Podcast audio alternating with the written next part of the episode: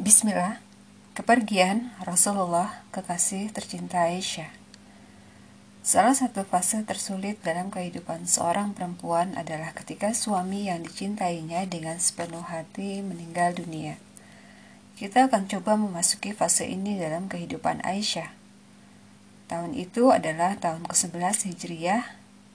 Ketika itu Aisyah memasuki usianya yang ke-18. Ia menikmati kehidupan berumah tangga bersama Rasulullah SAW dalam suasana cinta, kasih sayang, dan kesetiaan di sepanjang waktu dan setiap kesempatan. Suatu hari di bulan Safar, tahun ke-11 Hijriah, Rasulullah SAW mendatangi Aisyah dan mengeluh sakit di kepala beliau. Rasa sakit mulai terasa sejak beliau menghabiskan waktu bersama Maimunah. Semakin lama, semakin berat pula rasa pening yang diderita Rasulullah SAW. Tetapi beliau tetap berkeliling menunaikan giliran kunjungan terhadap istri-istri beliau. Ketika rasa sakit itu semakin tak tertahankan, Rasulullah SAW selalu bertanya di mana beliau tinggal hari ini dan di mana beliau akan tinggal esok hari.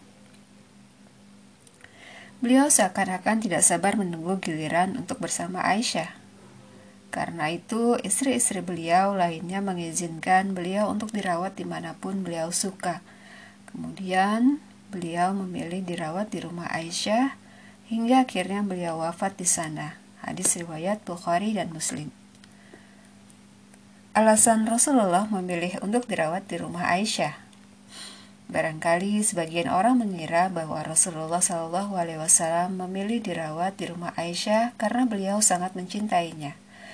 Tetapi kita telah mencoba memaparkan di bagian awal bahwa Aisyah dikaruniai oleh Allah Subhanahu wa taala beberapa keutamaan dan kelebihan yang membuatnya menonjol di kalangan istri-istri Rasulullah Shallallahu alaihi. Ia memiliki kecerdasan, ingatan yang kuat, serta kemampuan memahami persoalan dalam tingkat yang luar biasa. Ia juga mampu mengambil kesimpulan, merumuskan hukum, serta melakukan ijtihad dengan sangat mengagumkan. Karena itu tidak mengherankan jika Rasulullah SAW memilih rumah Aisyah sebagai tempat beliau dirawat agar Aisyah dapat mengingat setiap perkataan dan perbuatan yang beliau lakukan pada hari-hari terakhir sebelum beliau meninggal dunia. Pilihan itu pun terbukti benar. Umat Islam dapat mengetahui banyak hal dari kehidupan Rasulullah Alaihi Wasallam pada hari-hari terakhir kehidupan beliau melalui penuturan Aisyah. Hari demi hari, penyakit yang diderita Rasulullah Alaihi Wasallam semakin parah. Beliau tidak dapat lagi mengimami orang-orang dalam sholat berjamaah di masjid. Rasulullah Shallallahu Alaihi Wasallam memiliki doa-doa tertentu yang biasa beliau baca ketika menderita sakit. Aisyah pun mengikuti teladan ini. Ia membacakan doa-doa yang biasa beliau baca sambil mengusap tangan beliau. Suatu hari orang-orang menunggu Rasulullah Shallallahu Alaihi Wasallam untuk melaksanakan sholat subuh berjamaah di masjid. Tetapi ketika itu penyakit beliau mencapai tingkatnya yang paling berat.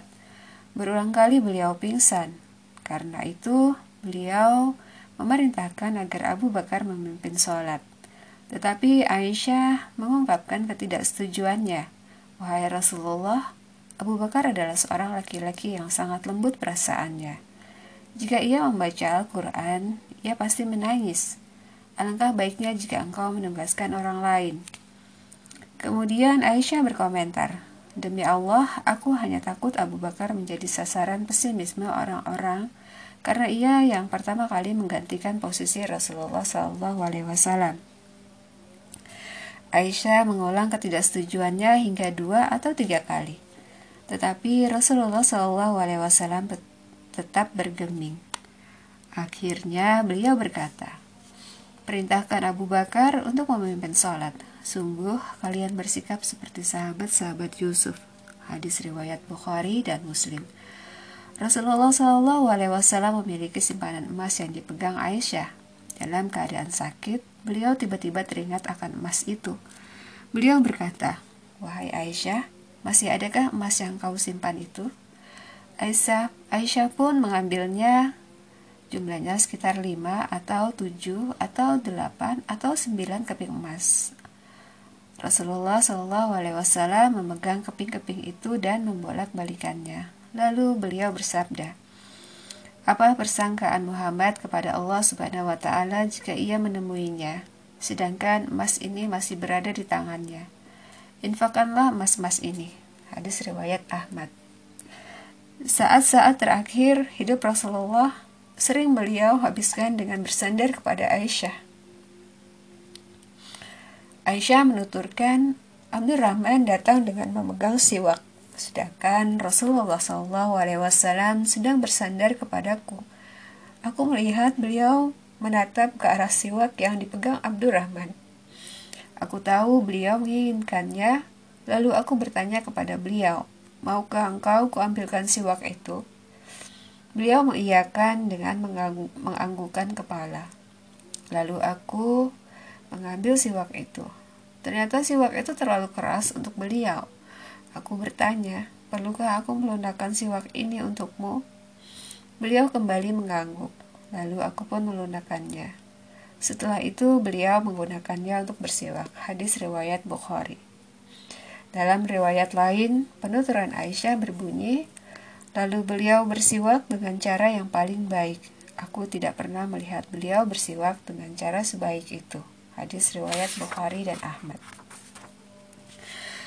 Aisyah merasa bangga dengan kehormatan yang diterimanya. Ia berkata, sebagian dari nikmat Allah kepadaku adalah bahwa Rasulullah Shallallahu Alaihi Wasallam meninggal dunia di rumahku pada hari giliranku, serta dengan bersandar di dadaku.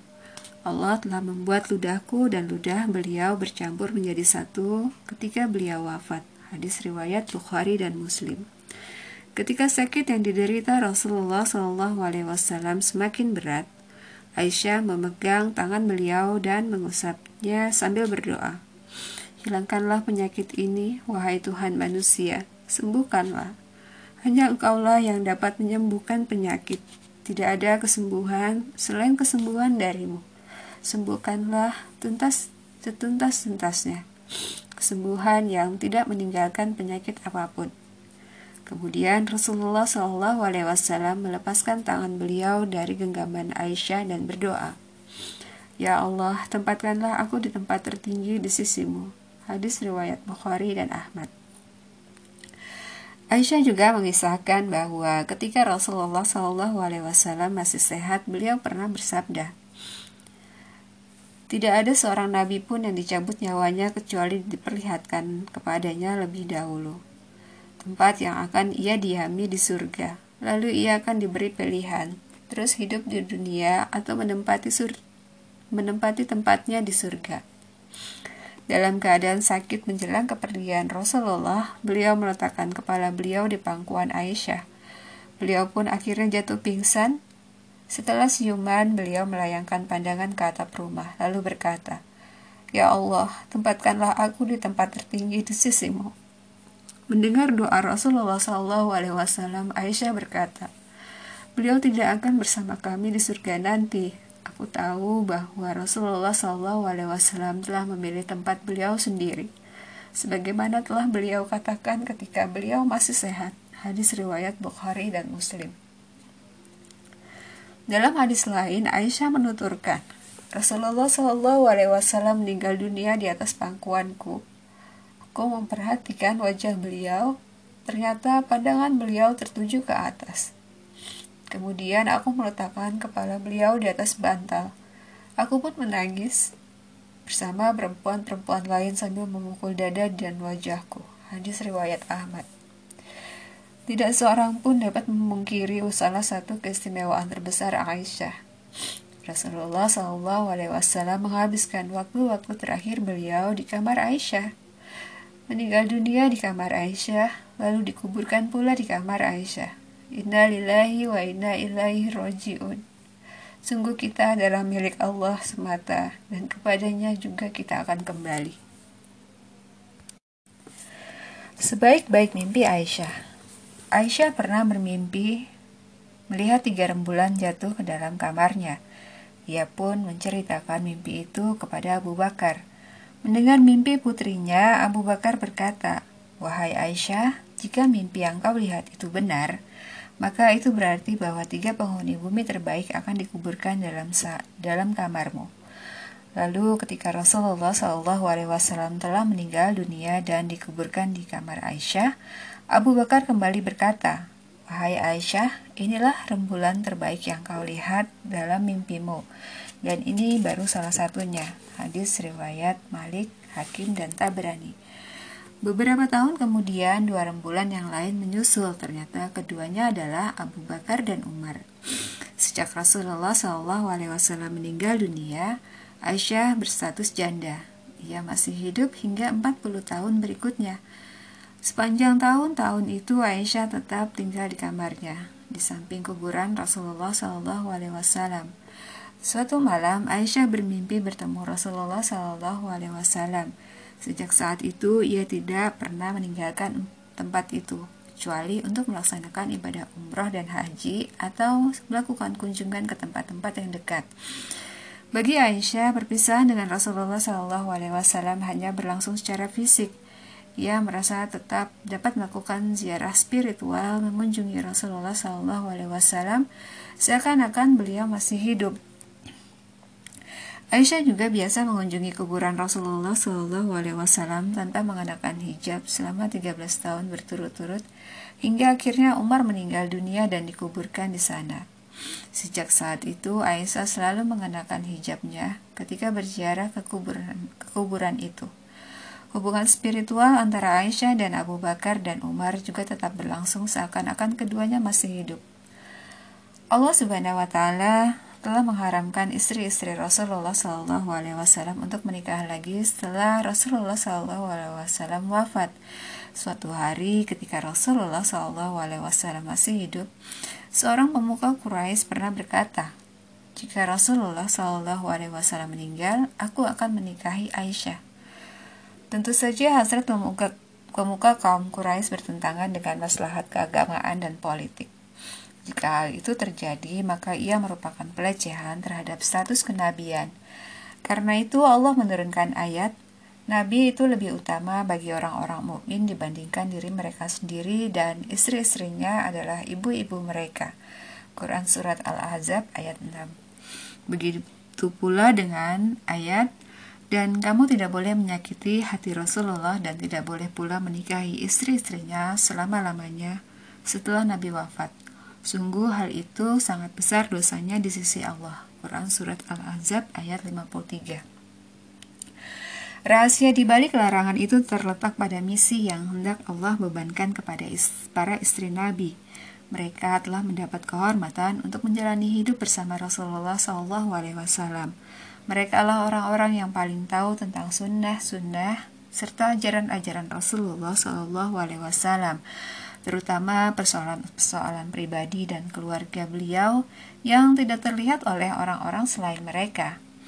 Allah menugaskan para istri Nabi untuk menjalani sisa hidup mereka dengan mengajarkan segala sesuatu yang telah mereka peroleh dari Rasulullah Shallallahu Alaihi Wasallam. Allah tidak ingin mereka mencurahkan perhatian kepada hal-hal lain di luar tugas itu. Mereka adalah ummahatul mukminin, ibunda kaum mukminin. Tanggung jawab terbesar yang mereka emban adalah mendidik dan mengajar anak-anak mereka, seluruh umat Islam. Mereka juga merupakan rujukan pertama dalam hal-hal yang menyangkut ayat-ayat Al-Quran, sunnah Rasulullah SAW, serta hadis-hadis Nabi adalah hal yang selayaknya jika kediaman-kediaman mereka dijadikan tempat berkunjung utama bagi kaum muslimin yang hendak memahami persoalan-persoalan umat Islam. Allah Subhanahu wa taala berfirman, "Wahai istri-istri Nabi, barang siapa di antara kalian yang melakukan perbuatan keji dan nyat yang nyata, niscaya azabnya akan dilipat gandakan dua kali lipat kepadanya." Dan hal itu mudah bagi Allah dan barang siapa di antara kalian, istri-istri Nabi, tetap taat kepada Allah dan Rasul-Nya, serta melakukan kebajikan, niscaya kami berikan pahala kepadanya dua kali lipat. Dan kami sediakan rezeki yang mulia baginya. Wahai istri-istri Nabi, Kamu tidak seperti perempuan-perempuan yang lain. Jika kamu bertakwa, maka janganlah kamu tunduk, lemah, lembutkan suara dalam berbicara sehingga bangkit nafsu orang yang ada penyakit dalam hatinya. Dan ucapkanlah perkataan yang baik, dan hendaklah kamu tetap di rumahmu dan janganlah kamu berhias dan bertingkah laku seperti orang-orang jahiliyah dahulu. Dan laksanakanlah sholat, tunaikanlah zakat, dan taatilah Allah dan Rasulnya. Sesungguhnya Allah bermaksud hendak menghilangkan dosa dari kamu, wahai ahlul bait, dan membersihkan kamu sebersih-bersihnya. Dan ingatlah apa yang dibacakan di rumahmu dari ayat-ayat Allah dan hikmah sunnah nabimu. Sungguh Allah maha lembut dan maha mengetahui. Quran Surat Al-Azab ayat 30 sampai 34. Sebagaimana akan kita simak nanti kisah hidup Aisyah selepas kepergian Rasulullah Shallallahu Alaihi Wasallam ke hadirat Allah Subhanahu Wa Taala adalah terjemahan langsung dari kandungan makna ayat-ayat di atas.